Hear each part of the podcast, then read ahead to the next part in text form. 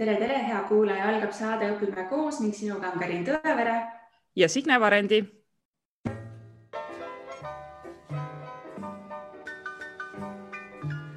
Tänases saates pöörame pilgu andekate poole. kui tavaliselt märkame neid, kes hädas on, siis andekad kipuvad jääda, jääma tähelepanuta. täna on meil külas Tartu Veeriku kooli klassiõpetaja Karin Konksi kes räägib oma tööst andekatega ehk täpsemalt noppeõppest. mõnusat kuulamist.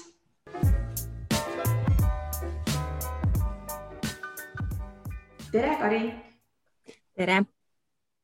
no sinul on selline põnev taust, et sa tulid tegelikult Veeriku kooli klassiõpetajaks mitte päris verinoorena, et klassiõpetaja kogemus sul varem ei olnud, et äh, sa tegelesid hoopis mingi muu asjaga ja otsustasid ühel hetkel teha karjääripöörde. et räägi natuke sellest, et mis su eelneval elus siis toimus, et miks sa selle pöörde tegid ja miks just klassiõpetajaks otsustasid õppida mm? -hmm. no mul on mõnikord tundunud, et, et pärast gümnaasiumi saigi tehtud kõik need valed otsused korraga, et ma läksingi õppima valet asja ja, ja sealt edasi nagu veel hästi palju valesid valikuid ja, ja ühel hetkel lihtsalt tekkis niisugune noh, tupik, kust enam edasi ei saanud. et, et nüüd ma olen äh, aru saanud, et äh, sellel perioodil mul tegelikult ikkagi oli see huvi, et minu esimene kõrgharidus ongi etnoloogia mis oli sellel ajal siis äh, nagu ajaloo üks osa, et ma läksingi ülikooli õppima ajalugu, mis ei olnud gümnaasiumi ajal võib-olla minu kõige suurem huvi, aga sinna oli kõige lihtsam sisse saada. ja, ja, ja siis ma ikkagi läksin mööda seda ajaloorada edasi päris pikalt niimoodi, et ma tegin tegelikult läbi ka magistriõppe ja, ja töötasin pärast ka erialasel tööl Eesti Rahva Muuseumis ja, ja kuidagi oli aegu, kus ma tõesti tundsin, et see huvitab mind ja ma tahan tegeleda sellega. aga, aga siis kuidagi elu mängis kätte mulle nagu selle minu tõelise huvi. ja, ja ühel hetkel ma sain aru, et, et, et mu viimane, et viimane aeg on nagu minna edasi nüüd seda rada pidi. et, et jah, et see on kuidagi niimoodi elu, elu jooksul lihtsalt juhtunud kogemata nii et tegelikult õpetaja amet oli selline amet, mille ma võib-olla pärast gümnaasiumi täiesti välistasin enda jaoks. et äh, jah, et see oli niisugune omamoodi äratundmine mingil hetkel no ma küsin siit vahepeal vahele, et, et miks sa õpetaja ameti täiesti välistasid ja teine küsimus, et äh, kas su oma lapsed panid siis pilgu pöörama sellele, et oot-oot-oot, seal koolis midagi toimub sellist, et on vaja nagu sekkumist? Ma isegi praegu ei mäleta, miks ma selle välistasin, sest mul, ma mäletan, et ema mul soovitas, et äkki prooviks õpetajate seminari. ja, ja see oli nagu täiesti, et kas sa oled hull või. et ja, ja ma ei oska öelda, mis see oli, ma arvan, et see oli kuidagi ikkagi see õpetajakutse maine sel ajal ka oli ikkagi väga madal ma mäletan oma kooliajast äh, õpetajaid, noh, oma, minu klassijuhataja näiteks kirjutas ka Postimehesse kunagi arvamusloo, kuidas tal peavad olema nõelutud varvastega sukad jalas, sest tal ei ole raha nagu osta uusi. Ja ma mäletan neid nõelutud varbaid kingade juures, et noh, et, et, äh, et ilmselt ongi nagu see üldine kuvand ikkagi mõjutab hästi palju. Ja, ja mulle nagu tundus, et ma ikkagi nagu saaks midagi, midagi toredamat ja põnevamat teha, kui see õpetajakutse on kuigi ma mäletan, et esimeses, teises, kolmandas klassis ma tegelikult tahtsin õpetajaks saada, et see periood on ka olnud. aga, aga põhikooli jooksul ja gümnaasiumi jooksul see käis kuidagi hästi maha ja mul ei olnud ka ühtegi niisugust õpetajat, kes oleks võib-olla olnud väga inspireeriv ja, ja mind äh, nagu suunanud tahtma rohkem õpetajaks saada. et äh,, et lihtsalt jah, selline noh, ilmselt ikkagi natuke nagu enda ebaküpsus ka, sest ega mul täpset pilti ei olnud, mida ma tahtsin õppida. et see valik oligi puhtalt selline, et ajalukku on väga lihtne sisse saada, et vaatad õpikud läbi, õpid aastaarvud pähe ja noh, nii oligi. ja, ja ega terve see ajalookursus oli ka minu jaoks niisugune noh, pigem lihtne, et ilma mingi sügava huvita, aga, aga seal oli väga lihtne nagu läbi saada. et äh, ja noh, ilmselt ongi jah, niisugune ebaküpsus siis. aga, aga jah, õpetaja kutse juurde ikkagi jõudsin läbi oma laste jah. et äh, kui ma lastega jäin koju, siis mul võib-olla Eesti Rahva Muuseumis ja etnoloogina isegi oli selline kõrghetk, et mul päriselt oli motiveeri-, olin motiveeritud uurima äh, äh, sellel ajal oli minu teemaks siis äh, Nõukogude periood Eestis ja, ja, ja just see Nõukogude argielu ja, ja ka õpetajad ja, ja kool Nõukogude Eestis ja just selle ideoloogia roll nagu õpetaja töös. ja see oli selline teema, mis mind väga-väga huvitas. ja, ja selle teema pealt ma, ma siis jäin nagu lapsega koju ja, ja kuna see laps, kes mulle sündis, ei olnud mingi niisugune lihtne ja tavaline laps, et kes vastab äh, kõikidele juhenditele ja käsiraamatutele, siis ma pidin päris palju hakkama ikkagi juurde lugema ja uurima ja, ja spetsialistidega konsulteerima. ja, ja see, see lihtsalt nii väga paelus mind nagu laiemalt ka, kui ainult minu lapse jaoks oli vaja. ja, ja kui, kui see esimene laps läks mul kooli, siis äh, ja, ja mina olin tagasi tööl, siis ma mäletan selliseid hetki, kus ma päriselt olin kade tema õpetaja peale, et ta saab teha nii ägedaid asju nende lastega ja, ja mul kogu aeg mõte töötas, mis sealt veel saaks edasi arendada ja, ja, ja missuguseid vahvaid projekte saaks sealt veel nagu luua juurde. ja siis minu enda töö niimoodi lihtsalt käis maha kogu aeg. ja, ja järjest ja järjest, kuni ma lõpuks no, lihtsalt see noh, enam mitte kuidagi ei motiveerinud mind enam ja, ja see oli nagu see hetk, kus ma, no mul ei olnudki muud valikut enam, kui lihtsalt noh, lõpetada sellega ära ja, ja leida endale siis see uus väljund. ja siis ma läksin õppima klassiõpetajaks. ja kas Tartu Veeriku kool on esimene kool, kuhu sa tööle asusid? Äh, jah, ja ma ja läksin sinna tööle siis, kui ma olin ülikoolis tegelikult veel kolmandal kursusel alles nii et esimesed kaks aastat ma töötasin ja õppisin samal ajal. et praegu on siis selline esimene aasta, kus ma saan olla ainult õpetaja. Ja, ja minul on esimest korda elus siis esimene klass praegu. Aga milliste ootustega sa kooli läksid ja nüüd kolme aasta kogemus, et kas need on purunenud kildudeks või sa oled täis indu ja jaksu? Ma ikka pigem olen täis indu ja jaksu veel ja, ja kui ma läksin sinna kooli, ega mul ei olnud mingisuguseid väga suuri ootusi, et ma lihtsalt lootsin, et ma, ma suudan olla nii hea õpetaja kui, kui võimalik ja, ja teha kõike seda, mida, mida ma tahan ja mis, mida ma oma vaimusilmas näen. no kindlasti esimestel aastatel äh, päris kõike seda ma, ma ei jaksanud, kuna ülikool oli ka kõrval ja, ja kindlasti oli neid loobumisi päris palju, millest mul oli kahju. aga aga ma ei pettunud nagu kunagi, et sellist tunnet mul ei ole olnud, et ma tulin nii suurte lootustega ja tegelikult on kõik nii halvasti. et pigem on tulnud seda positiivset emotsiooni juurde hoopis. et, äh, et kool, no mis on nagu see üldine kuvand jälle, eks ju, et õpetajad äh, äh, noh, on, on kõik üle töötatud ja, ja üle töötanud ja, ja väga kurnatud ja, ja kuidagi, et see kooli õhkkond sageli ei ole hea, siis noh, minu kogemus on täiesti vastupidine. minu arust meil on super õhkkonnaga kool. õpetajad on äh, hästi toetavad üksteise suhtes, väga abivalmid ja et mul ei ole ühtegi paha sõna öelda selle kooli kohta, ma ikkagi tunnen, et mul on tugi taga kogu aeg nii et ei mingeid neelutud sokke, sina jätad positiivse kuvandi oma õpilastele jah, ja ütleme nii, et jah, sokke nõeluma ka ei pea. Et isegi nagu selles mõttes on kõik hästi. väga hea, aga tegelikult täna me räägime sinuga sellel, sellel põhjusel, et sinul on üks suur südamemure ja see on andekad lapsed, kes sageli jäävad ju koolis täitsa tähelepanuta. Et jah, me teame ja ütleme, et nad on tublid ja võimekad, saadame me neid ühele poole ja teisele poole olümpiaadidele ja võistlustele, aga kuidagi selline areng jääb justkui nagu toppama, et me ei suuda nagu kooli struktuuris nagu neid piisavalt toetada, et see on sinu mure, on nii mm? -hmm. jah, see on minu mure just, aga kas see teema praegu, kus me oleme sellises distantsõppe faasis, on sinu jaoks aktuaalne ka praegu või on see selline, et see oli siis, kui me olime koolis koos? see on ikkagi praegu ka, et äh, võib-olla kui see distantsõpe algas, siis oli neid teisi muresid ja probleeme nii palju, et see jäi noh, korraks kõrvale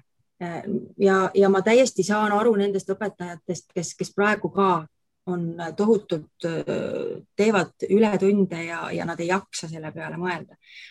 ja, ja, ja sellest saan ma ka väga hästi aru, et, et kui klassis on väga palju niisuguseid lapsi, kes, kes tõesti ei, ei saagi üldse hakkama sellega, mida õppekava nõuab ja keda on vaja aidata lihtsalt sinna joone peale kuidagi, et siis see on õpetajate esimene prioriteet ja nad ei jaksa mõelda nende andekate peale. et, et see on nagu minu isiklik kiiks ja, ja selles suhtes äh, noh, minu jaoks on, on kõik, kõik lapsed võrdselt tähtsad. et äh, loomulikult ma tegelen ka nendega, kes vajavad abi, aga, aga ma näen ka neid lapsi, kes võib-olla vajaksid äh, niisugust natukene teistsugust sisendit ja, ja keda see veebitundides istumine hoopis kuidagi noh, ruineerib või, või tapab ja et nad kaotavad sellega oma, oma õpimotivatsiooni täitsa ära. aga, ja, ja praegu ongi nagu see seis, et, et mina olen omadega distantsõppes jõudnud sellisesse punkti, kus ma näen muud ka kui seda, et ma noh, ainult valmistan tunde ette ja, ja vaatan, et ma saaks need läbi Zoomi korralikult ära tehtud ja, ja tagasisidestamine, et mul nagu jääb natukene seda energiat üle nüüd juba. ja, ja nüüd on see tõusnud jälle minu jaoks olulisele kohale ja ja, ja, ja loomulikult tõuge on jälle noh, nagu ikkagi minu arust on see kõikidel erivajadustega inimestega, inimestel, kes, kes on selle valdkonna enda jaoks avastanud, siis kuidagi seotud jälle isikliku kogemusega, et kuna minul on kodus niisugune laps, kes veebitunnis igavleb, siis äh, ma arvan, et see äratundmine jõudis tänu sellele minuni kiiremini, kuna ma näen seda igavlevat last, et võib-olla õpetajana ma ei panegi teda tähele seal teisel pool ekraani nii väga. aga, aga kuna mul on nagu see teis, teiselt poolt ekraani pilt ka, et siis see on mind viinud nagu sellele äratundmisele kiiremini ja, ja kindlasti on distantsõppe elandekate toetamine tähtis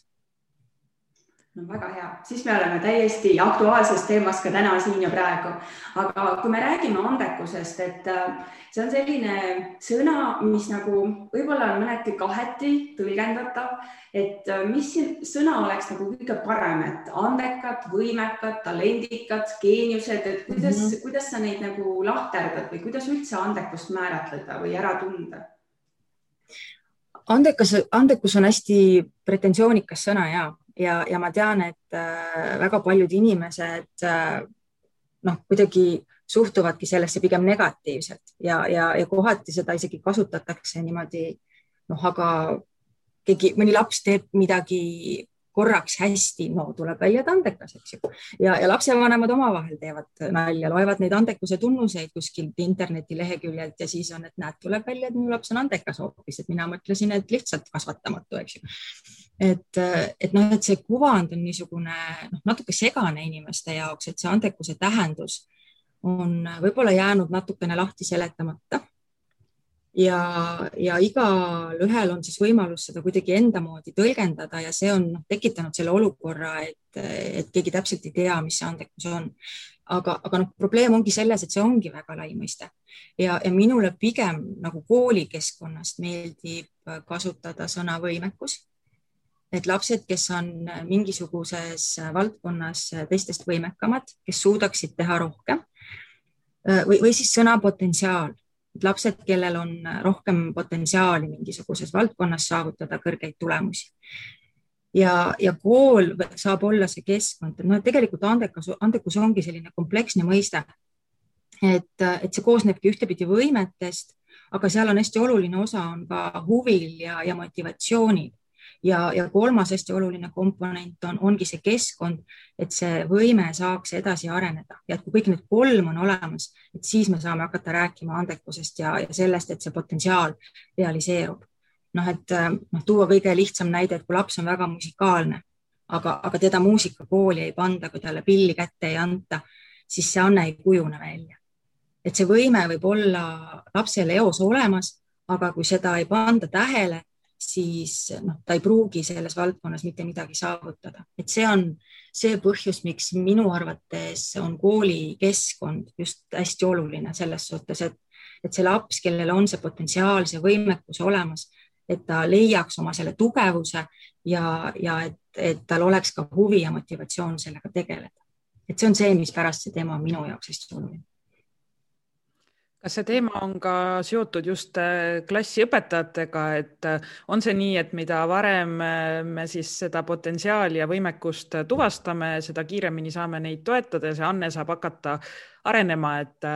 et on see ka võib-olla siis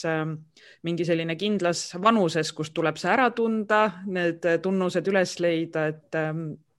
et mm, -hmm. et, et kuidas sa tunned nagu seda, et on, on mingi kindel vanus olemas, millal tuvastada andekust mm. -hmm no ideaalis võiks muidugi seda tuvastada juba veel varem, et juba, juba lapsevanem võiks ise jälgida oma last, sest hästi palju on selliseid andekuse vorme, mis mulle võib-olla koolis üldse ei paista välja. mõni laps on äh, väga tubli hokimängija või väga hea tennisemängija, et ma ei näe seda ja ma ei saa seda koolis toetada. aga, aga lasteaed on juba see koht, kus tegelikult võiks hakata noh, vaikselt märkama ja, ja praegu on juba algatatud lasteaedades ka selliseid ande, ande, andekate laste märkamise projekte, et hästi tore, et juba seal tegutsetakse selle nimel. Ja, ja kooli tulles ka, et kui see laps tuleb esimesse klassi, silmad säravad, ta tahab õppida ja siis avastab, et siin on nii igav, ma juba ammu kõike tean, ma, mul ei ole mitte midagi teha. Ja, ja siis pannakse terveks esimeseks, võib-olla ka teiseks õppeaastaks lihtsalt värviraamatut värvima ja teisi järgi ootama et see on see aeg, kus need andekad lapsed käivad maha hästi kiiresti ja, ja hiljem sinna teise kooliastmesse jõudes nad juba ongi noh, niisugused noh, kas tüdinud õppimisest ja, ja hakkavad välja kujunema sellised alasooritajad, kes suudaks rohkem, aga nad ei näe sellel nagu mõtet. et see õppimine on mõttetu, nad ei oskagi õppida, sest esimeses kooliastmes ei ole neil seda olnud kunagi vaja teha. ja, ja, ja selles mõttes jah, on küll tähtis nagu kohe pihta hakata just ja, ja praegu ongi minu arust kõige keerulisem see olukord, et, et kui teises kooliastmes juba vaikselt hakkab neile lastele tekkima mingi väljund, kas olümpiaadid või mingid ainevõistlused ja, ja teises kooliastmes, kolmandas kooliastmes juba noh, päriselt tegeldakse nende lastega, et ongi konsultatsioonitunnid ja neid valmistatakse ette olümpiaadideks. aga et see kõik tuleb nagu hiljem ehk et siis see andekas, kes on nagu ellu jäänud läbi selle esimese kooliastme, kuidagi jõudnud sinna kolmandas kooliast-, kolmandasse kooliastmesse ja ikka veel nagu tunneb huvi mingi ainevaldkonna vastu, et siis temaga nagu tegeldakse. aga meil läheb kaduma päris palju kahjuks mm. -hmm. et, et see on ka nagu üks põhjus, miks äh, miks ma hakkasin otsima nagu võimalust, kuidas saaks äh, leida sellist ülekoolilist süsteemi et me saaksime hakata kohe esimesest klassist peale toetama neid lapsi, äh, kellel on mingisugune eriline võimekus ma Karin küsin siit, et äh, kui esimesse klassi tulevad lapsed, siis äh, see nivoo on nagu oi kui lai, et äh, osad ei loe ja osad loevad vurinal ja on neid lapsi, kes loevad vurinal ja saavad väga hästi aru ka, millest tekstis juttu, millest räägitakse, oskavad seda ka jutustada, edasi anda, võib-olla kokkuvõtte teha, küsimusi esitada, arutleda, et aga samas kõik nad ei ole ju andekad, et selles mõttes see on nagu mhm. õpitud oskus, et, et kuidas sa teed nüüd vahe, vahet sellele, et jah, et ta ongi päriselt nagu selline andekas ja siis on see, et, et tal on lihtsalt nii hästi omandatud see mingi oskus mm. -hmm no see on nagu see põhiküsimus, et kust ma tean, et ta on andekas, et äkki ta on ette õpetatud hoopis, eks ju. aga, aga noh, seal saab nagu aru tegelikult, kui, kuidas see laps tunnis haarab, kui kiiresti ta millestki aru saab, kas ta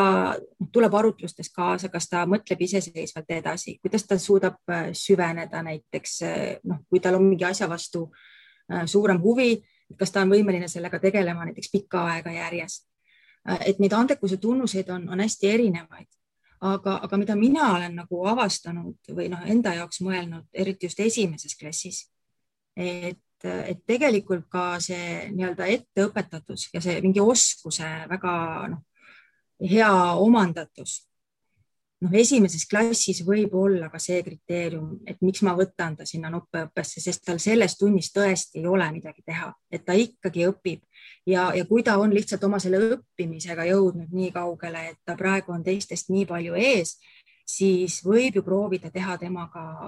natukene edasi jõudnud, rohkem edasi jõudnud tasemel neid asju ja vaadata, kuidas tal siis läheb. et, et minu arust see hästi detailne nagu tuvastamine ja testimine võib-olla isegi ei ole koolis oluline, et oluline on see, et see laps saaks koolis õppida ja areneda. ja, ja küll siis edaspidi on selge, et noh, mis mulle nopeõppe juures eriti meeldib, hüppasin nüüd juba vist edasi natuke, ongi see, et, et nopeõpe on lühiajaline. Et me võtamegi selle konkreetse teema, sellel teemal teeme näiteks ühe, ühe trimestri või võib-olla poolaasta jooksul äh, neid tunde. Ja, ja kui see õpilane on selle, selle teema endale omandanud sellisel tasemel, et ta ei pea tunnis koos teistega seda kordama, siis ta osaleb sellel ajal noppeõppes. Ja, ja kui me alustame järgmist noppeõppekursust ja see teema ei ole temale sellisel tasemel juba selge, siis ta, siis ta ei tule sinna rühma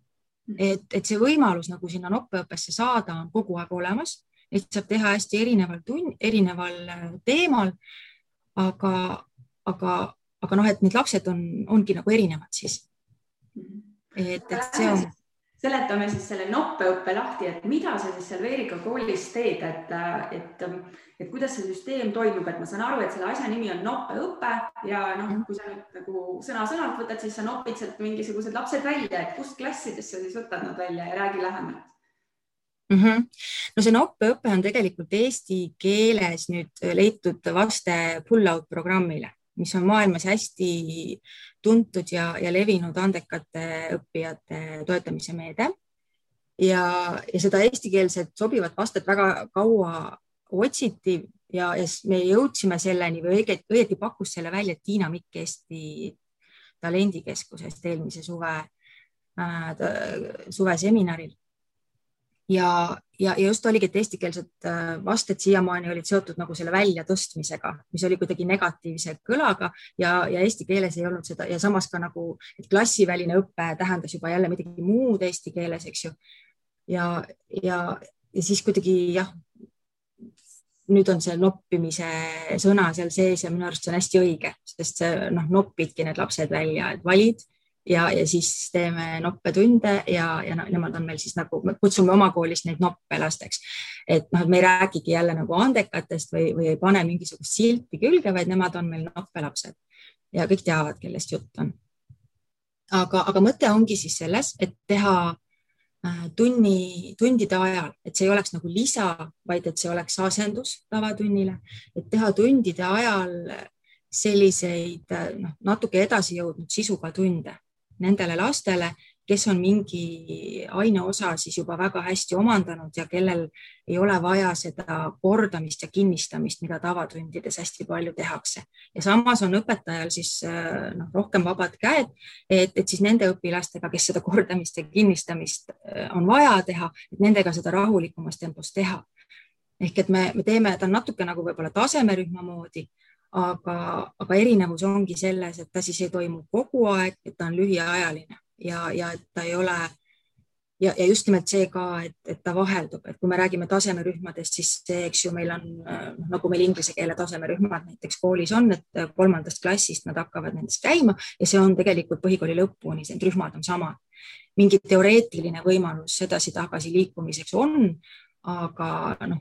pigem ikkagi seda, seda ei kasutata, et siis noppeõppe erinevus ongi see, et ta kestab lühikest aega ja iga kord me valime need lapsed uuesti ja, ja, ja see teema, mida see noppeõppetund pakub äh,, lähtubki suuresti siis sellest, mida antud perioodil mingis aines õpetatakse, et ta on õppekavaga kooskõlas, aga ta teeb nagu teisel tasemel sedasama asja no saad sa mingi näite tuua, et mis klassidega sa oled seda teinud ja mis ainele sa oled suunatud ja too näiteks mingi näide ka mingist teemast, mis äh, läbiti mm. -hmm. eelmisel aastal, no see aasta äh, nende distantside tõttu on olnud niimoodi ligadi-logadi, aga eelmisel aastal me tegime kolmandale klassile lapsed valisime, tegime sellise võimete matemaatik, see oli matemaatika ja matemaatikaalaste võimete testi põhjal valisime need lapsed välja. loomulikult kuulasime ära ka õpetajate arvamuse ja, ja, ja motivatsioonitesti tegime veel lisaks nagu enne selle nopeõppe algust siis, et vaadata, kuidas see mõjutab nagu nende laste õpimotivatsiooni. aga, aga teema oli jah, siis matemaatika, see kestis hakkas pihta teisest trimestrist ja terve teise trimestri, pluss siis natukene ka kolmanda trimestri algusest kuni, kuni siis distantsõppe alguseni. ja, ja teemad olidki lähtuvalt siis sellest, et samal ajal oli tavatundides geomeetria, erinevad mõõtühikud, kell, aeg ja, ja siis hakkas tulema sisse murdude teemat vaikselt. et siis nende teemadega läksime edasi ja, ja kasutasin siis täpselt samamoodi need aja mõõtmise ja, ja noh, need aja mõõtmise ülesanded ühelt poolt, teiselt poolt siis erinevad geomeetria ülesanded, et need geomeetria ülesandeid siis lahendasimegi lihtsalt noh, sidusin näiteks robomatemaatika ja ja, ja programmeerimisega ja niimoodi teistmoodi lähenesime nendele asjadele. Et lihtsalt, et arvestusega, et lapsel on see osa, mis on nagu see baasteadmine on tal olemas, et kuidas ta saab seda baasteadmist siis kasutada et milleks see hea on, et ta seda asja oskab, et just eesmärk oligi nagu näidata äh, matemaatika erinevaid rakendamise võimalusi siis just neile. kui tihti need lapsed siis äh, välja nopiti nendest äh, tundidest, see oli, ma saan aru, see on lennuülene siis, et kõikidest mm -hmm. klassidest nopiti välja mm? -hmm kõikidest klassidest jah, valisime need lapsed ja, ja neid tunde tegime, kuna eelmine aasta meil oli veel ainepõhine tunniplaan, et ei olnud veel üldõpetus, siis äh, pidimegi alustama sellest, et kõikidel oleks siis samal ajal matemaatika. Ja, ja, ja panime siis tunni, alguses oligi selline, et tegime tegelikult tunniplaani niisuguseks, et, et me saime noppida. Ja, ja jäi siis nii, et reedeti kaks viimast tundi kõikidel kolmandatel klassidel oli matemaatika ja nendest kahest viimasest matemaatikast siis äh, võtsin need, need lapsed ära ja, ja tegime nendega siis neid teistsuguseid asju. aga, aga ei tea, jah. kui suur see rühm oli, vabandust, ma segasin vahele äh, see rühm oli tegelikult natuke liiga suur, et kui me nüüd lähtume sellest, äh, mis, mis on nagu teoreetikute soovitused siis äh, võiks olla, ütleme, optimaalne kümme, et väiksemates rühmades kuus, seitse, suuremates rühmades äh, kaksteist, kolmteist, neliteist. noh, siis minul oli hirmus suur tahtmine katsetada, kuna see oli ka minu magistritöö projekt samal ajal, siis ma nagu tahtsin näha, äh, mis saab, kui ma võtan neid lapsi sinna võimalikult erinevaid ja, ja ma võtsingi siis niisugused lapsed, keda soovitasid õpetajad, pluss, kes tegid siis testi väga hästi siis oli selliseid lapsi, kes tegid testi väga hästi ja kelle osas õpetaja oli nagu kõhklev natukene. ja, ja siis selliseid lapsi, kes testi, testi väga hästi ei teinud, aga kelle kohta õpetajad arvasid, et, et kindlasti peaks olema see laps seal, et noh, et see, mis ma tundides näen, lihtsalt noh, ta on teistmoodi. ja, ja kokku lõpuks neid lapsi tuli mul sinna seitseteist ja, ja sellest noh, ma sain oma need katsetused ja, ja uudishimu ära rahuldatud. aga, aga tagantjärgi tarkus on jah see, et, et väiksem rühm on kindlasti parem. Ja, ja eelkõige just selle võimekuse pärast, et, et tekkis hästi selgelt noh, see, mida me teame digiefektina, eks ju, et ta on omas klassis harjunud olema hästi tubli ja, ja siis ta järsku satub sellisesse keskkonda, kus ta enam ei ole ja, ja päris mitu oli selliseid lapsi, äh, kelle enesehinnang äh, päris palju langes selle noppõppe tulemusel. et äh, sinna tundi tulles ta hindas enda matemaatikaalaseid teadmisi hästi kõrgelt. ta arvas, et ta on matemaatikas väga hea ja, ja oli selline päris kõrge enesehinnanguga, siis jah, kui seesama motivatsiooni ja enesetõhususe test, mille me tegime pärast, siis olid äh, juba jah, need hinnangud langenud. samas oli ka lapsi, kellel tõusis näiteks, aga, aga seal peabki vaatama, et see võimete balanss peaks olema ikkagi olemas, et nad on hästi sarnase võimekusega ja nad võiksid olla ka sarnase huvi, huvide ringiga. et ma sain näiteks ühelt lapselt ka niisuguse tagasiside, et, et temale noh, näiteks need arhitektuuri ja, ja sellised programmeerimise ülesanded üldse ei meeldinud et tema oleks tahtnud äh, teha noh, lihtsalt ülesandeid, et talle meeldib nagu nuputada. et, et seda peaks ka veel nagu vaatama, et ta, tema nagu enesehinnang ei langenud, aga tema noh, lihtsalt nagu leidis, et äh, noh, võis ka, et tore oli see, et tunnis ei pidanud kogu aeg kordama neid samu asju, aga et talle oleks meeldinud, kui tema oleks saanud ise valida, mida, millega ta tahab tegeleda. Et et, et sealt tuli jah, seda tagasisidet nagu erinevalt, aga üldiselt ikkagi enamus olid sellised, kes olid hirmus õnnelikud, et nad said neid teistmoodi asju teha. ja, ja pigem ikkagi see tagasiside oli selline, et äh, mind see hirmsasti motiveeris selle asjaga jätkama, sest äh, noh, lapsed olid rahul, õpetajad ütlesid, et äh, lapsed on, elavad nende reedete nimel, et nad saavad siis sinna noppõppesse ja, ja hästi palju positiivset tagasisidet tuli lapsevanematelt ka tegelikult no nii, sa vahepeal mainisid siin, et, et enesehinnangu langus oli mõningatel lastel, et nad justkui enam ei ole nende oma grupis kõige-kõige tublimad, et nüüd nad on nagu sellised tavalised nii-öelda, et kõik ümberringi ongi hästi võimekad, et kas õppeedukus sellest nagu mõjus, mõjutas ka kuidagi või, või sa seda täpselt ei uurinud? Äh, uurisin, üldiselt ei mõjutanud pa. paari lapse puhul õpetaja küll ütles, et äh, noh, et kuna samal ajal me õppisime jagamist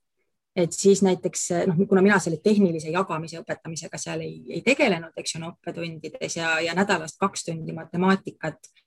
oli, olid sellised, kus nad olid ära, et siis üks õpetaja näiteks ütles, et äh, et noh, et pidi neile andma jagamisülesandeid, aga et kuna nad olid jälle niisugused võimekad lapsed, et siis see oli kähku, et korra oli vaja mainida ja siis oli kohe korras. Äh, ühe õpilase kohta õpetaja ütles, et natukene langes õppeedukus ja, ja oli isegi jutuks, et äkki, äkki ma noh, nagu annan ta ära sealt noppeõppest, et ta käib tavatundides mingi perioodi. aga, aga seda kuidagi ka ei olnudki vaja teha lõpuks, et ta vist sellel konkreetsel reedel puudus ja edaspidi juba õpetaja ütles, et nüüd on korras, et sai aru, et võib olla edasi noppeõppes et, et ta on ikkagi piisavalt lühike, see noppeõpe, et selle ajaga mingisugust suurt Äh, puudujääki noh, ei jõua tekkida tegelikult, et see on nagu jälle üks selline eelise koht sellel lühiajalisusel. et ma sellest lühiajalisusest kogu aeg sellepärast räägin, et see äh, pull-out programmide puhul just äh, nagu rahvusvaheliselt tuuakse peamise puudusena välja, et noh, selle ajaga lapsed ei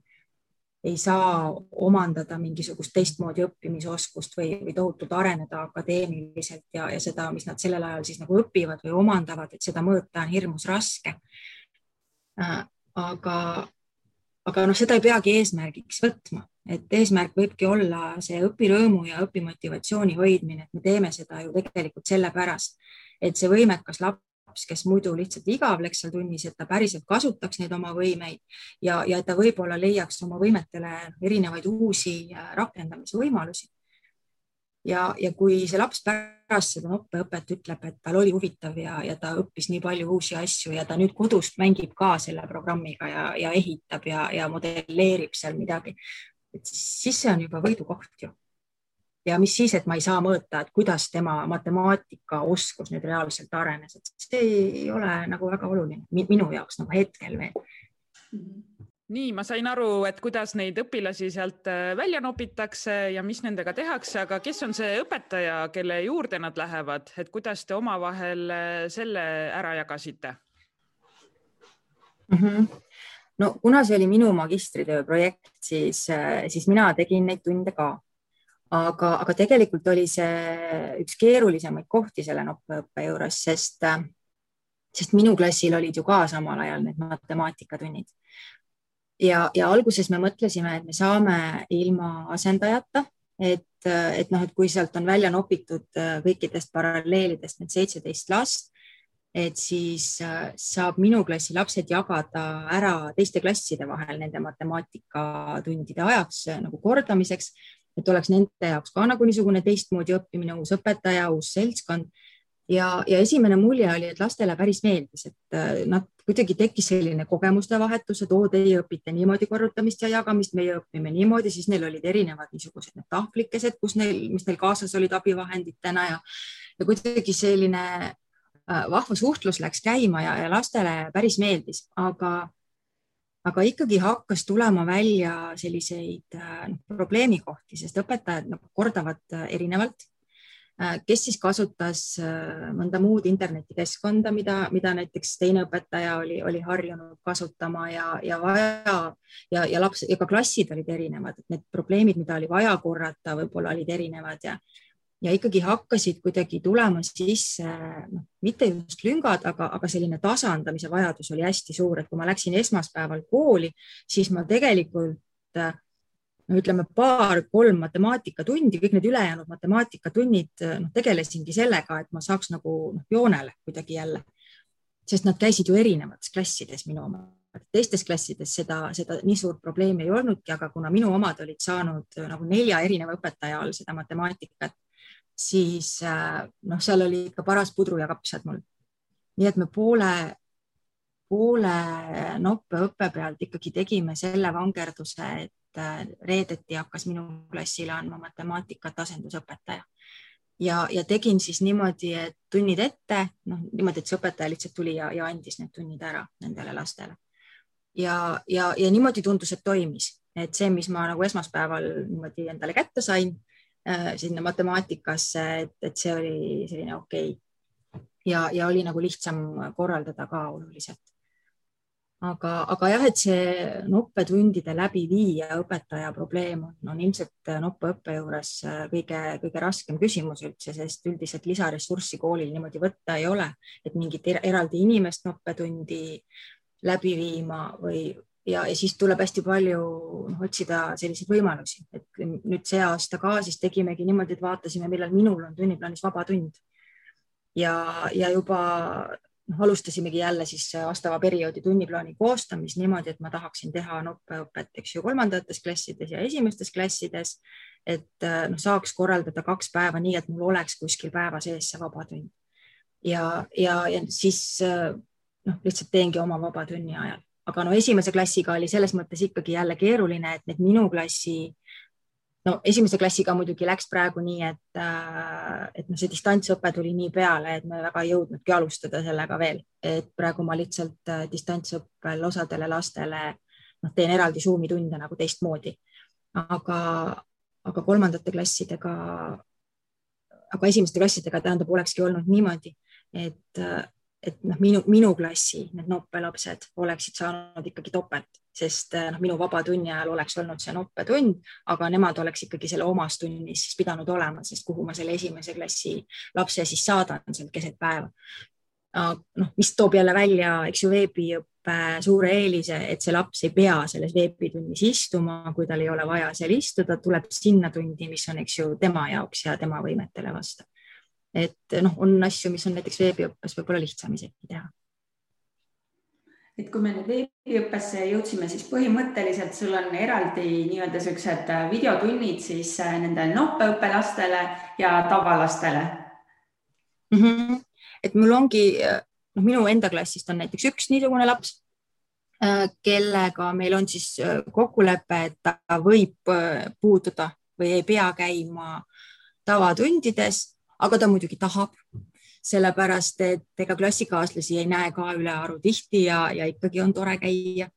aga, aga et ta ei peaks siis, kui ta ei tahaks ja, ja et ta ei pea tegema neid töövihiku ülesandeid, mida siis teised teevad, et mina esmaspäeval annan talle äh, tema ülesanded äh, ja, ja sellise väikse sisendi nende, nende ülesannete tegemiseks ja siis ta nädal otsa pusib ja reedel vaatame koos üle, teeme temaga sedapidi mm. -hmm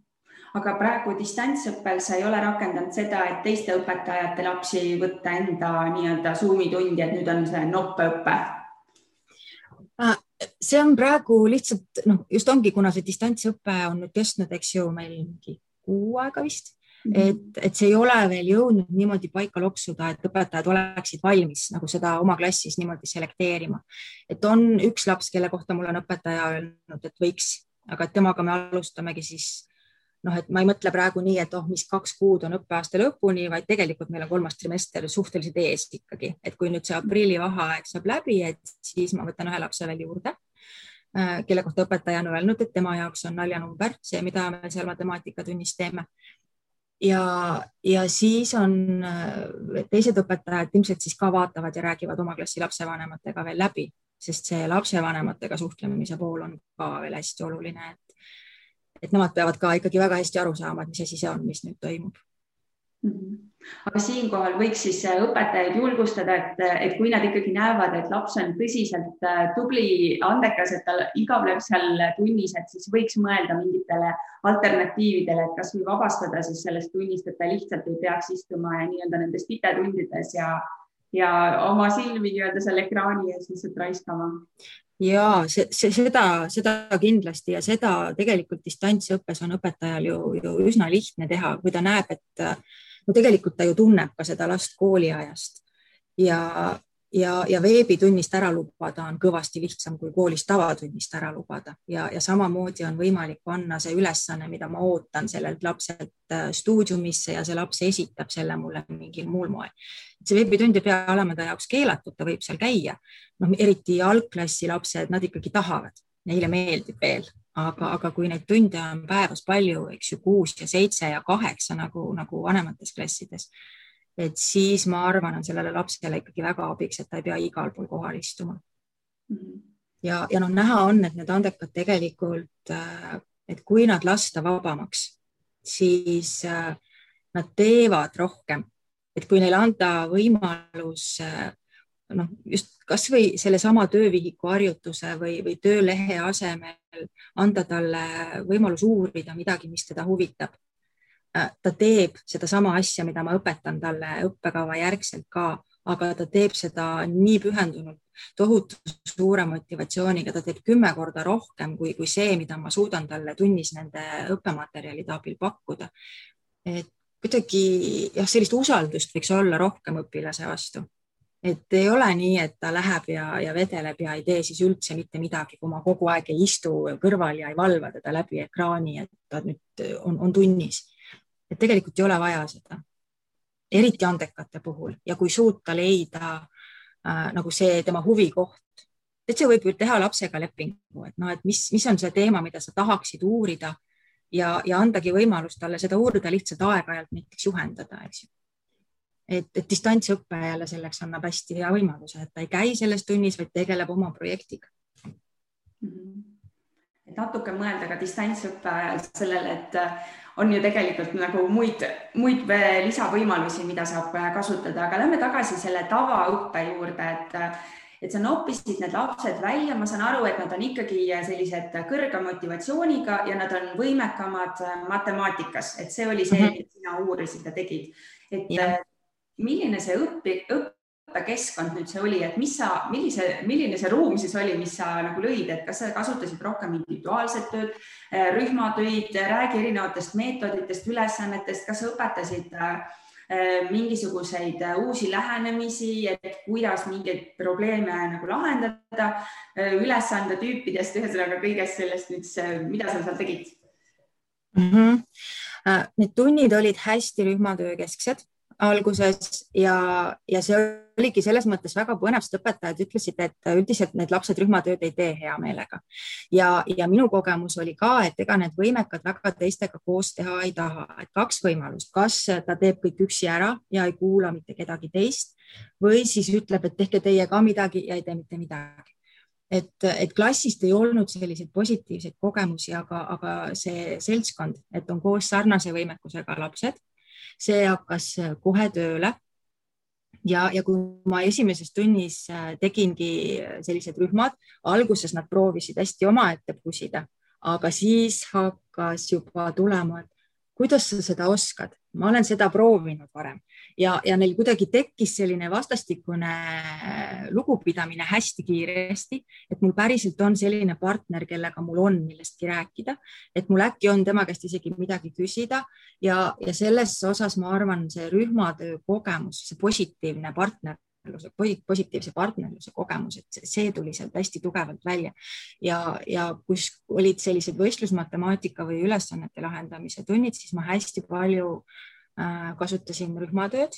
ja, ja kasutasin ka seda, et nad üksteisele ise seletasid ja, ja üritasin siis näidata seda, et neid lahendamise võimalusi on hästi palju. mõnele ülesandele tuligi tõesti kolm ja neli erinevat lahendust, mis kõik olid õiged et, et see oli hästi põnev, et mõni lahendus oli selline, mille peale mina ise üldse ei olekski tulnud. aga nad mõtlevad väga kastist välja ja, ja mis on jälle nagu hästi kurb, et tavamatemaatika tundides nad surutakse mingi mingisugusesse raami, sa pead seda ülesannet tegema täpselt nii, esimene samm on see, teine samm on see, kolmas samm on see. et, et seal tuli välja, kuidas nad tegelikult mõtlevad ise ja, ja nad viitsivad mõelda, nad ei saa sellest ülesandest aru, ta tuleb, pakub lahenduse äh,. saab teada, et see ei ole päris õige. küsin, kas ma annan vihje. ei, ma ei taha vihjet. ma lähen proovin veel ja, ja nad tõesti proovisid ja proovisid ja tahtsid ja lõpp, no ma ikkagi toon seda ühe lapse näidet, kes tuli pärast äh, tundi, ütles, et õpetaja, mul aju põleb. Aga, aga ta oli nii kuidagi vaimustuses sellest, et ta läks oma õpetajale ja rääkis, ma teen nii raskeid ülesandeid, see on nii äge. noh, et, et neil tegelikult on algklassides õppimise motivatsioon, see tahe pingutada ja, ja see protsessi nautimise oskus ka veel täiesti olemas. Et, et see on niisugune asi, mida peaks hoidma hirmsasti, et see, see kipub kaduma, kui ei ole võimalust seda, seda nagu edasi arendada. Mhm. aga, aga tegin ja äh, arvutitunde ka ikkagi oli, et äh, mõned tunnid olid arvutiklassis, mõned tunnid olid siis äh, niisuguste tahvelarvutiga, et ikkagi seda virtuaalset keskkonda kasutasime ka. no robomatemaatika oli hästi hea, kui oli vaja mõõta ajaühikute ja, ja muid mõõtmisülesandeid, siis kasutasime seda ja, ja, ja siis ruumilise mõtlemise osas tegime modelleerimisülesandeid ka nagu virtuaalselt. et, et hästi nagu võimalikult erinevaid väljundeid ikkagi üritasin äh, pakkuda ja, ja neil oligi noh, tundide eesmärk oli, kuna need tunnid noh, okei okay,, nad olid küll kaks tundi järjest, aga ega see aeg oli ikkagi lühike, et nad selle ajaga jõudsid tutvuda. ja, ja ikkagi oli see eelkõige sisend aga hästi lahe oli see, et oli ka neid lapsi, kes ütles, et ma läksin koju ja ma tegin seda veel mitu päeva, sest seda oli nii äge teha. ja, ja mulle tõesti näidati ette, mis oli kodus tehtud selliseid noh, täiesti terviklikke interjööre näiteks, mis olidki nagu tehtud selle modelleerimise programmiga et, et see huvi on hästi suur ja muidugi see noh, programmeerimine ka, noh, kasutasime muidugi selliseid lihtsamaid, noh, mida nad saaksid kohe nagu aru oli, oli Scratch, see programm, mida me kasutasime, aga nad hakkasidki automaatselt selle Scratchiga ise multikaid pärast tegema, et tunnis me proovisime teha sellist matemaatika asja rohkem, aga et nad hakkasid uurima ja otsima väljundeid, et mis sellega nagu veel saab teha. et, et selles mõttes see sisendi andmine ka niisuguste lastega väga hästi töötab, et nad saavad nagu noh, niimoodi näpu sisse sinna ja, ja siis tegelikult nad tahavad nagu vaadata edasi ja, ja võikski pakkuda just noh, hästi palju erinevaid asju, et see, et nad saavad aru, et seda, mida nad hästi oskavad, et seda on võimalik kasutada nii paljudes kohtades. ja ka edasi arendada. ja et... ka edasi arendada jah. ja, ja siis ühe korra saime ka noh, jälle nagu ressursi teema, see, et muidu oleks hästi lahe olnud, kui oleks saanud rohkem nendega väljas käia, et see reedesed viimased tunnid eh, olidki nagu selle mõttega pandud, et et noh, et kui me läheme majast välja et, et siis ei pea nagu tagasi tulema. aga, aga jõudsime ainult ühe korra kahjuks ja jõudsime siis Parkmaker läbi ehitusinseneeria tundi, mis äh, jälle oli selline hästi lahe õppimise koht, otsene seos geomeetriaga. Äh, ja, ja ehitasid siis spagettidest neid maavärina kindlaid tornikesi seal, et ma just äh, siin eile oli rakett üheksakümmend, kuuskümmend üheksa oli telekas täpselt sama ülesanne oli, ma ütlesin ka täpselt, et näed, et minu kolmandikud täpselt teavad, et kolmnurk on kõige kindlam konstruktsioon. et kuidagi noh, selline hästi lahe ja mänguline, aga, aga nad päriselt õpivad ka. Ja, ja siis, kui pärast nendega rääkida, et mis neil meelde jäi, siis noh, ei ole ainult see, et oh, spagetid olid, eks ju, et nad ikkagi mäletavad seda noh, teooriat ja, ja reegleid ja, ja asju päris, päris ilusasti ja siinkohal ma pean tervitused saatma Tarvo Metspalule, kellega me oleme saate teinud, ma ei tea, kas tema oli teie juhendaja, aga õpetajatele kindlasti soovitame eh, Spark eh, majja minna, et see Maker Lab on tõesti väga äge koht ja nad on valmis õpetajatega koostööd tegema. aga ma küsin eh, selle kohta, et sa lõid nüüd selle keskkonna, sa noppisid välja need andekad, kas seal selles keskkonnas, nagu me ennem rääkisime, et kui me loome keskkonna, siis saavad need anded ka avalduda. et kas sa märkasid ka seda, et üks või teine laps ongi nüüd noh, kas ütleme siis geomeetrias või ruumiline mõtlemine on noh, nagu selline noh, tõesti geniaalne, et, et noh, nad lähevad ka nagu seal sinu oma grupis nagu nii laiali, et kes, kellele mida nii-öelda mm. -hmm lähevad küll ja no ühe lapse ma juba tõin näiteks, kes ütles, et talle üldse ei meeldinud need ruumilised ülesanded, kellele meeldis ainult nagu sihuke arvutamine. no ja matemaatikas on arvudel väga oluline osa, see üldse ei tähenda, et ta nagu ei ole matemaatikaalaselt võimekas. aga, aga tulid küll ja, ja mina ka alati imetlen neid ruumilise mõtlemisega lapsi, sest minul on endal niimoodi, et need ruumilise mõtlemise ülesanded on sellised, kus mina pean pingutama. ja, ja kui tuleb laps, mul on praegu ka esimeses klassis üks niisugune laps, et ta vaatab peale ja plõks ütleb, mis seal teisel pool on. ja, ja kolmandas klassis oli ka neid ikkagi päris palju et, et tulevad küll need erinevad andmed päris ilusti seal välja ja, ja kellele meeldib, noh, tüdrukute puhul oli muidugi see noh, niisugune sisekujundamise soov hästi suur, siis nemad, nemad tegid selliseid asju, aga, aga poistel jälle nemad hakkasid kujundama siis äh, noh, niisuguseid noh, tehnilisi asju rohkem, et kes siis ehitas mõnda kindlust või kes ehitas autot, kes lennukit nendest kuubikutest. aga, aga jah, et ütleme, et ei olnud nii, et kõik tunnid olid kõikide laste lemmikud, et äh, igas tunnis oli ikkagi keegi, kes ütles, et noh, et äh, see, see, see noh, et oli ka, aga et noh, et talle meeldis mingi teine asi rohkem. ja, ja mille järgi nagu need huvid ja, ja võimed võib-olla tulid hästi välja, oli see, et õppe, õppe lõpus äh, oli selline iseseisev töö või nagu lõputöö, et nad said ise valida nende erinevate teemade seast siis selle, mis neile kõige rohkem meeldis ja, ja mõelda ise välja siis mida, mida sellega saaks nagu ägedat edasi teha. ja, ja seal oli ka paar sellist last, kes ikkagi no lõid mu pahviks sellega, kuidas nad suutsid äh, neid siduda. Nad, ühed tüdrukud tegid, no oli võimalik ka rühmas koos teha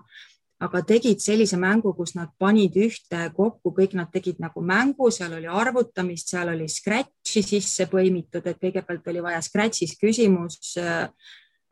õigesti vastata, sealt tuli siis see koht, kust sa leiad äh, selle küsimuse ja siis see küsimus oli veel QR koodiga ja ühesõnaga sihuke üübertehniline, mõtlesin, et ükski õpetaja elu sees ei viitsi sellist asja välja mõelda. Aga, ja ma hirmsasti lootsin, et me saame neid mänge proovida ka niimoodi, et nad tulevad ja on ise siis mängujuhid ja, ja teevad noh, oma, oma lennukaaslastele neid mänge. aga siis see distantsõpe meid, meid segas natuke ära. aga, aga sealt tuli hästi vahvaid asju tõepoolest no minul on veel terve hulk küsimusi, aga Signe on, ma näen, et äh, hetkel on täitsa olemas, et kindlasti tal on võib-olla mingeid ka küsimusi, ma kuulan ära, mis Signe küsib. Ja mina tahaks äh, teada selle kohta, et kas sa põhimõtteliselt leiutasid äh, üksinda jalgratast, kui sa kõike seda tegid või sa toetusid äh, mingisugustele etteantud äh, materjalidele, juhenditele, et, et, et mis sind toetas sellel ajal? Mm -hmm. see oligi hästi keeruline, sest ega neid materjale ju, ju ei ole ja ma tahtsin, et see oleks seotud õppekavaga mis mul oli olemas, äh, oli, oli teoreetiline tugi ja, ja siis nii palju, kui ma leidsin teaduslikke artikleid, mis olid ka mõned niisugused siis äh, võib-olla empiirilisemad, kus kirjeldati, mida täpselt nendes tundides tehti. et, et see sisend tuli, tuli ikkagi nagu teaduskirjandusest ja, ja noh, tugi oli loomulikult äh, magistritöö juhendaja oli Viiresepp, kellel on ammendamatu varasalv igasuguseid näiteid ja, ja koos me neid äh, ülesandeid siis niimoodi valisime ka, et äh,, et kuidas saaks teha niimoodi, et oleks võimalikult mitmekesine, aga samas ikkagi nagu seostatav matemaatikaalaste oskuste ja, ja teadmiste võimetega. et hästi palju ikkagi, ütleme, see programmi sisu on, on küll nagu pandud lihtsalt niimoodi noh, nagu pusle kokku siis, et tükike siit ja tükike sealt ja vaadatud, mis mulle sobib ja, ja samamoodi tegelikult ka see valikutest.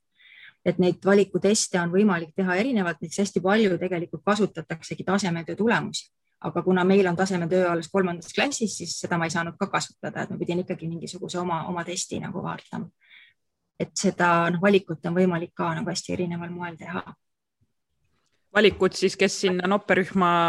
kes sinna õpperühma saaks tulla, jah. jah, vot selle koha pealt ma ka tahaks teada, et, et kuidas äh, see oli lahendatud äh, siis võib-olla kommunikatsiooni pool lapsevanematega.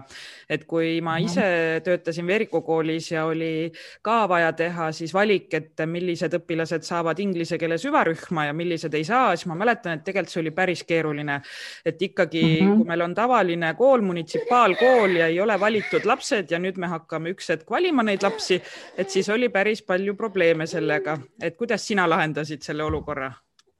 mm? -hmm. huvitav on see, et, äh, et minul ei olnud eelmine aasta seda probleemi üldse aga ma alustasin ikkagi nii, et ma kõigepealt äh, sa, saatsin tegelikult ma alustasin üldse sellest, et me hästi palju rääkisime lastega erinevatest võimetest, tegime võimete teste, huvide teste, iga lapsega arutasime läbi, mis on tema erivõime. Ja, ja, ja kuidagi nagu tuligi välja, et kellel siis oli muusika, kellel oli joonistamine, et kuidagi see võimete jutt oli juba lastega hästi ilusti läbi räägitud ja siis ma kirjutasin lapsevanematele kirja, et me hakkame testima kõiki kolmandate klasside lapsi eh, ja, ja hakkame tegema matemaatikaringi, kuhu me valime siis niisugused lapsed, eh, kellel on matemaatikaalane, konkreetselt matemaatikaalane võimekus eh, kõrgem kui tavaline, tavalist, tavaliselt lastel ja, ja kelle jaoks võib-olla see tavatundides õpetatav materjal jääb liiga lihtsaks ja kes oleks võimelised tegema rohkem ja, ja siis, kui see valik oli ära tehtud, siis äh, noh, neid lap- siis ma selle valiku nimekirja juba ei saatnud nagu kõigile, eks ju, et ma saatsin selle nendele lapsevanematele, kes asjasse puutusid ja tegelikult ei olnud nagu probleemi. et, et see kommunikatsioon on hästi oluline ja, ja, ja mis tuli juba see aasta tegelikult välja, et mulle nüüd see aasta tundus, et, et äh, noh, kõik juba teavad ju ja, ja ma nii palju ei selgitanud ja ma nii palju ei rääkinud ja tegelikult jäi äh, natukene, no ja kuna ma kolmandaid klasse ka ise ei õpeta, et selles mõttes oli ka eelmine aasta hästi lihtne, et ma saingi leppida teiste õpetajatega ka kokku, et tehke seda testi nendega, et räägime võimetest, et, äh, et see kõik oli kuidagi rohkem koostöine, et praegu kolmandaid klasse mina ei õpeta ja, ja tegelikult ega noh, ma ei käinud neid õpetajaid ka niimoodi õpetamas ise, et mis, millest peaks nagu alustama või kuidas peaks üldse serveerima seda noppeõpet. ja, ja lapsevanematele ka kuidagi õpetajatega otsustasime, et ei pea kõik ju teadma, noh, et see asi üldse toimub. ja, ja et noh, et õpiabiga ka me ei saada nagu tervele lennule, eks ju, kirja, et me hakkame õpiabi tegema, et noh, et see on nagu mõnes mõttes ju sarnane asi. aga, aga, aga kuidagi jah, siis tekkis nagu selline, et seda arusaamatust äh, ikkagi oli. minule ühtegi protestikirja ei, ei tulnud, aga, aga minuni jõudis info, et, et vähemalt üks väga häiritud lapsevanem oli, kes nagu leidis, et, et koolil ei ole õigust niisuguseid asju teha ja niimoodi lapsi selekteerida ja tema laps on nüüd väga traumeeritud. et, äh, et jah, et ühtepidi noh, võib nagu mõelda, et noh, et noh, et mis, mis mõttes, aga, aga noh, kommunikatsiooniprobleem oli see tegelikult, et kui ma oleks nagu alustanud samamoodi, nagu ma tegin eelmine õppeaasta, ma arvan, et seda, seda probleemi ei oleks tekkinud. et see oli nagu jälle selline õppimise koht tegelikult. No ma küsin siis äh, vahepeal seda, et äh, sa ütlesid seda, et sul olid paaristunnid et äh, ja mainisid seda ka, et see aeg oli tegelikult lühikene, et kas sa näed, et äh, see võiks olla ka nii, et see ongi nagu noppeõppepäev, et äh, ongi terve päev, kus lapsed tegelevadki oma projektide ja asjadega, et saavad tõesti sügavuti minna, et ei jää nagu poolikuks midagi mm. -hmm. nüüd üldõpetusega oleks see isegi mõeldav tegelikult, et ongi niisugune päev ja, ja oleks parem ja et ta saakski hommikust õhtuni olla selles oma rühmas ja teha mingi asja valmis, et ta oleks nagu terviklikum. kindlasti oleks parem, kui saaks päeva teha. aga, aga no samas on see jälle selline, no mis meil vahepeal koolis tekkis ka probleem, et nüüd need kolmandad, kes nüüd eelmine aasta seda noppeõpet said, et nad nüüd läksid ju neljandasse. et noh, et kuidas edasi, et noh, et nüüd lõppes ära ja sinnapaika ta jääb et siis tekkisid jälle täiesti uued probleemid, et noh, et et noh, jälle ei ole üldõpetus, jälle on õpetajad, kõik on erinevad ja ega see andekus on ju hästi spetsiifiline, see laps, kes on matemaatikas väga tugev. noh, võib-olla ta näiteks eesti keeles on õpiabis hoopis, eks ju. ja, ja et kui teha nüüd nagu päev neljandas klassis ja sealsamas päevas on ka eesti keele tund, siis see kohe on jälle keeruline. et, äh,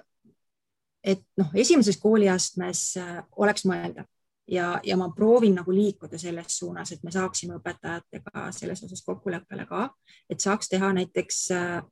äh, iga nädal reede sellise päeva. aga see tähendab, et minul endal siis reedel tunde näiteks ei ole, eks ju. aga, aga noh, saab, saab nagu mõelda selle peale ja arendada edasi, aga kindlasti on päev parem kui see paar tundi mm ja mu küsimus tegelikult, tegelikult oligi see, et mis see optimaalne aeg on, aga ise sa jõudsid nüüd selle, selleni, et mis saab edasi, et kui sa ütlesid ka, et et, et need anded, me rääkisime, et avaldusid, eks ju, et nad on matemaatikas andekamad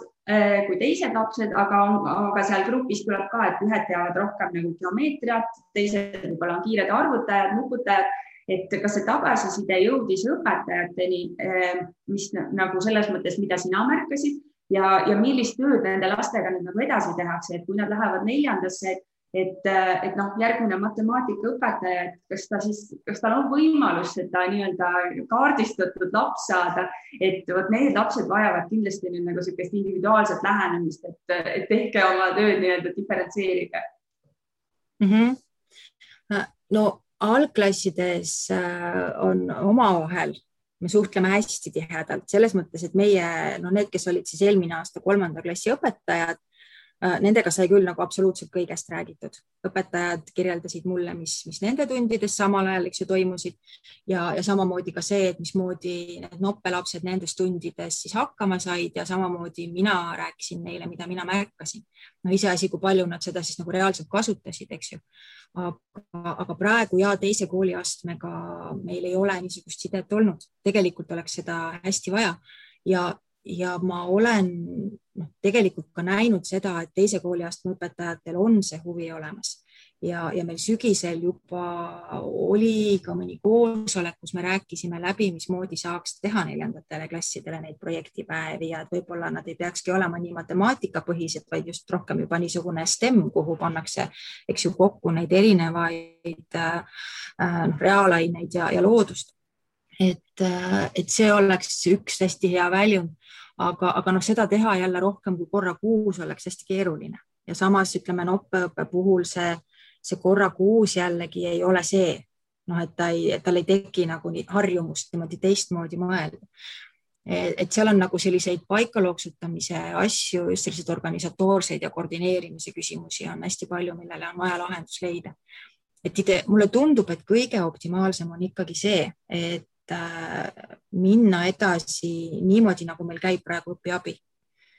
et me nopime tunnist välja ja on nädalas kaks õpiabitundi tegelikult ju lastel, et saaks olla nädalas kaks niisugust tundi, kuhu ma võtan tegema mingisuguseid ülesandeid äh, siis selle noh, tublima ja võimekama lapse ka. ja, ja see oleks nagu noh, korralduslikult äh, võimalik ja seda oleks võimalik jätkata tegelikult ka siis, eks ju, neljandas, viiendas, kuuendas klassis, kus samamoodi nad tulevad ju õpiabisse ja tulevad tavatunni ajast ära. aga, aga samas on jällegi, mis ma olen märganud, on, on ka see, et need lapsed, noh, nende see esiteks see võimekus on erinev ja, ja kui me praegu rääkisime matemaatikast, siis meil on ka noh, muudes valdkondades võimekaid lapsi ehk et, et neid inimesi, kes seda noppeõpet teeks, võiks olla ikkagi rohkem ja neid lapsi võiks noppida noh, erinevates valdkondades ja võib-olla võiks selle teema isegi nagu noh, muuta kitsamaks. et, et seal on sellist mõtlemise kohta ja edasiarendamise kohta on hästi palju tegelikult aga see vajab ja, ta on ikkagi selline ülekooliline asi ja, ja üks õpetaja seda nagu üksi ei, ei pusi. Ja tegelikult äh, noh, jääb ka väheks sellest, et kui me näiteks ju algklassikutega teeme seda koostööd, aga, aga ta peaks ikkagi minema sealt nagu edasi ka kuidagi. Mm. -hmm noh, see andekus on ju erivajadus, et tegelikult on vaja mm nii-öelda seda andekate töö koordinaatorit ka kooli, kes tegelebki nagu selle, nende lastega ka ja kogu selle töö koordineerimisega, et, et tõesti, kui sa ise samas lennus õpetad, on ülevaade, sul on need suhted, sa saad nagu täpselt aru, kes kus on, aga juba isegi ma mõtlen klassiõpetajate seas, et, et kui sa ise oled kolmandas, siis väga raske on nagu esimese klassi õpetajaga ka suheldud, suhestuda ja mhm. võib-olla seda kontakti nii hästi leida ei olegi võimalik, et et see on nagu päris palju on neid probleeme siin. et see vajaks jah, natukene sellist äh, noh, võib-olla nagu mingit äh, tiimi või, või siis äh, nagu meil on, eks ju, need komisjonid, et, et, et sellest oleks hästi palju abi, aga noh, et see on nagu niisugune asi, mille, mille poole me siis niimoodi tasapisi liigume, et tegelikult on mul ka nagu kooli juhtkonnalt juba signaale, et, et nad oleksid sellest huvitatud aga, aga noh, see aasta on olnud niisugune, nagu ta on, et noh, et meil lihtsalt iga, igast otsast on pidur peal praegu kahjuks arusaadav, aga igal juhul ma saan aru, et äh, õpetajad saavad tegelikult äh, tuge sellisest kohast nagu talendikeskus, kus mm -hmm. uuritakse, tegeletakse ja toetatakse, toetatakse siis nii lapsevanemaid kui õpetajaid nendel teemadel, kellel on kodus siis või koolis andekad lapsed, on õigus mm? -hmm. Ja tasub võtta ühendust, nad oskavad suunata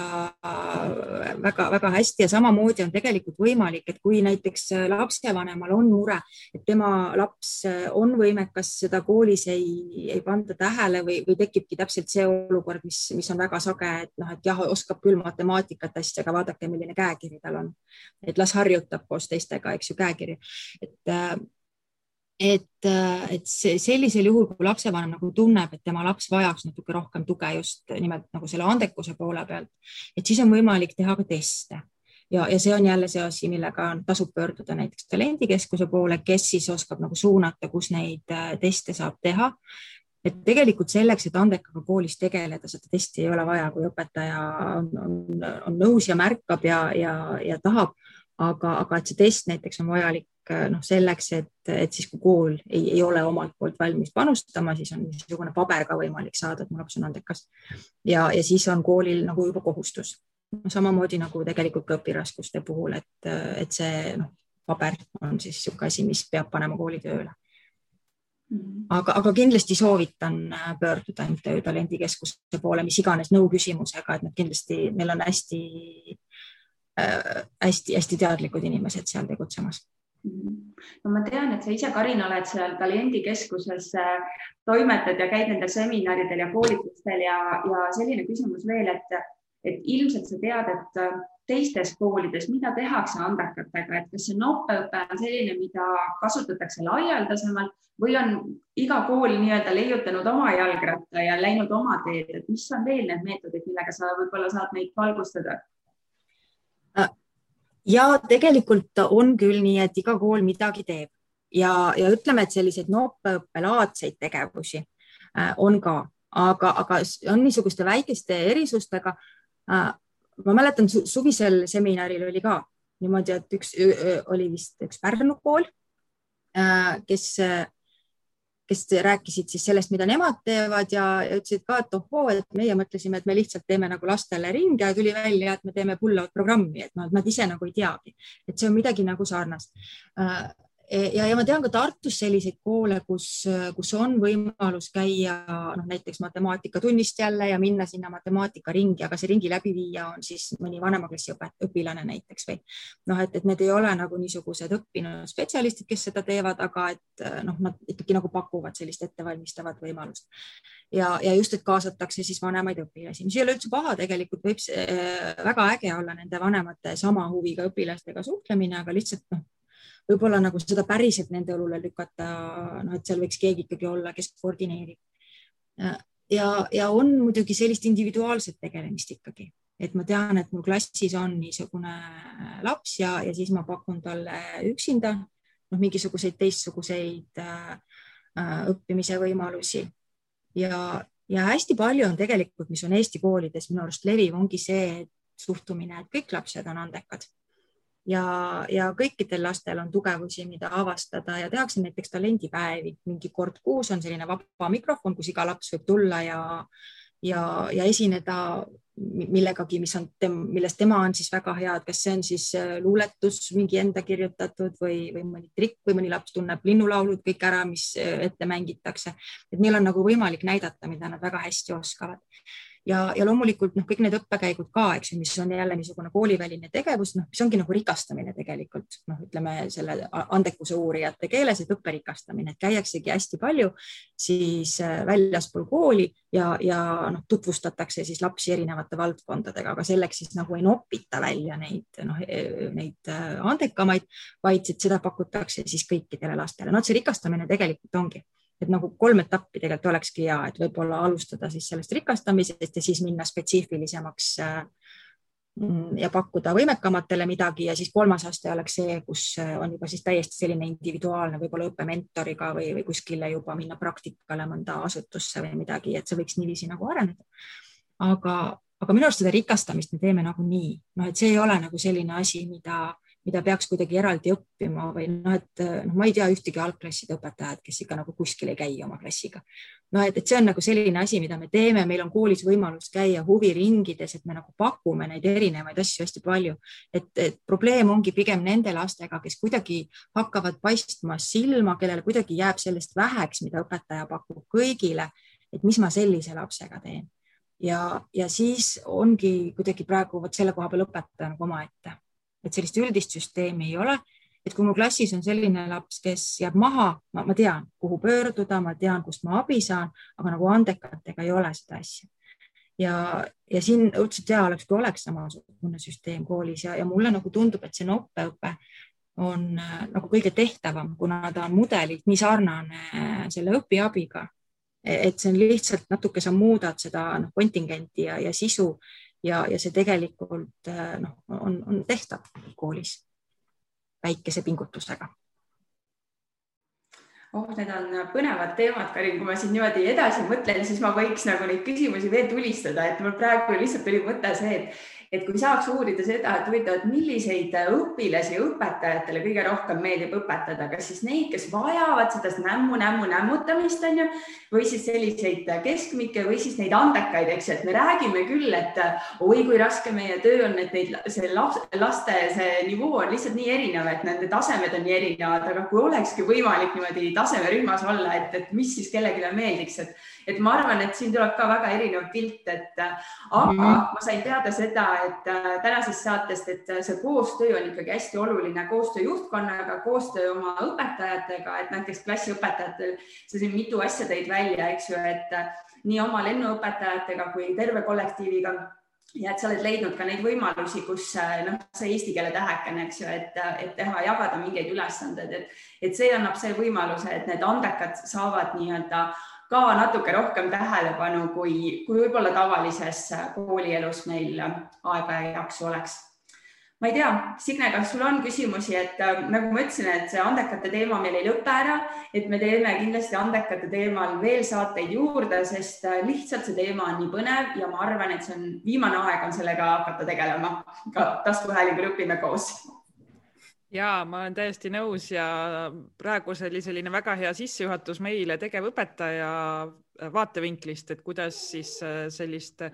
ühte võimalust noppõpet äh, kasutada ja, ja mis on selle plussid ja, ja ka miinused. ja me uurime kindlasti edasi, et, äh, et mis võimalused veel on siis andekatega tegelemiseks just ja kõikidele õpetajatele, et andke meile tagasisidet, et äh, teie kogemused, küsimused, mured, rõõmud andekatega ja, ja mitte ainult võib-olla siis äh, sellest vaatevinklist, et mis on õpilastega, et mis on ka võib-olla kas juhtkonnaga või lapsevanematega. Et oleks põnev kuulda, et siis me os oskame õigeid inimesi saatesse leida ja õigeid küsimusi küsida ka. Aga Karin, kas äh, sinu südamemure, et äh, andekate teemal on nüüd kuidagi laiemalt, ähm, laiematele ähm, kõrvadele jõudnud nii-öelda, et oled meiega jagada saanud, et millised ootused sinul nüüd on, et mida sa ootaks, et võib-olla kool, teised õpetajad, lapsevanemad või siis äh, Haridus- ja Teadusministeerium sulle nii-öelda appi tuleks ja mida teeks? minule hirmsasti meeldiks, kui meil oleks selline ühtne süsteem, et õpetaja, kes märkab et, et tal on, kuhu pöörduda, sest noh, reaalsus on kahjuks see, et ülikoolis äh, andekate toetamisest väga palju ei räägita, on üksikud valikkursused äh, ja, ja, ja kui räägitakse erivajadustest, siis keskendutakse ikkagi nendele raskustele, andekaid võib-olla niimoodi mööda minnes meile mainitakse, et tegelikult õpetajatel seda, seda teadmist, et mismoodi seda andekat toetada, äh, tegelikult ei ole. Ja, ja, ja sellist, äh, just nagu sellist süsteemi oleks hirmsasti vaja, et õpetaja ei pea üksi pusima iga oma klassi andekaga ja mõtlema välja neid viise, mismoodi ta saab talle anda teistmoodi õppimist, et tal võiks olla see koht, kuhu ta annab siis märku, et äh, mul on klassis üks niisugune laps, kelle jaoks õppekava on liiga lihtne. Ja, ja siis ongi olemas mingi süsteem, kes, kes äh, suunab. Ja, ja see võiks olla ikkagi noh, okei okay,, kooliülene oleks juba tore, aga, aga ta võiks olla natukene laiem isegi ja neid andekaid võikski saada, et noh, et ongi ju niisugused, kes on ka tõesti nagu kõrgandekad. noh, et kelle, kelle võimekus on nagu eriti suur ja, ja, ja keda võiks siis saata koos õppima näiteks kas üle, ülelinnaliselt mingisugustesse tundidesse. et hästi tore oleks, kui oleks niisugune asi meil noh, ma usun, et siin äh, linnades, Tallinnas, Tartus võiks see asi ju võimalik olla, et me oleme teinud siin Tartu Ülikooli Haridusuuenduskeskusega saateid, kus nad teevad juba põhikooli õpilastega nii-öelda tulevad appi õpetajatele ja koolidele, et miks mitte anda neile nii-öelda väike challenge, et tulge ka algklassi õpilastele appi, aga kindlasti maapiirkonnad on need, mis vajavad natukene teistsugust lähenemist, et, et me loodame nendele küsimustele siis vastused saada, et kuhu pöörduda ja kuidas aidata veel edaspidistes saadetes. Aga suured tänud sulle, Karin, et sa jagasid meiega oma mõtteid, et palju edu sulle siis, et sa oled ise andeka lapse lapsevanem, et jaksu sulle nende tuuleveskitega võitlemiseks ja et sul oleks äh, jaksu seda andekate vankrit koolis ikka edasi äh, jaksu vedada. aitäh sulle, Karin. aitäh. ja kuulmiseni. järgmise korrani kui sinagi said koos meiega täna uusi mõtteid ja inspiratsiooni, siis anna taskuhäälingule hoogu juurde, likei, jaga ja kommenteeri meie postitusi sotsiaalmeediakanalites. kui soovid taskuhäälingut Õpime koos toetada, siis täname sind annetuse eest MTÜ Tartu Loomemaja arveldusarve kontole. kõik vajalikud lingid leiab saate kirjeldusest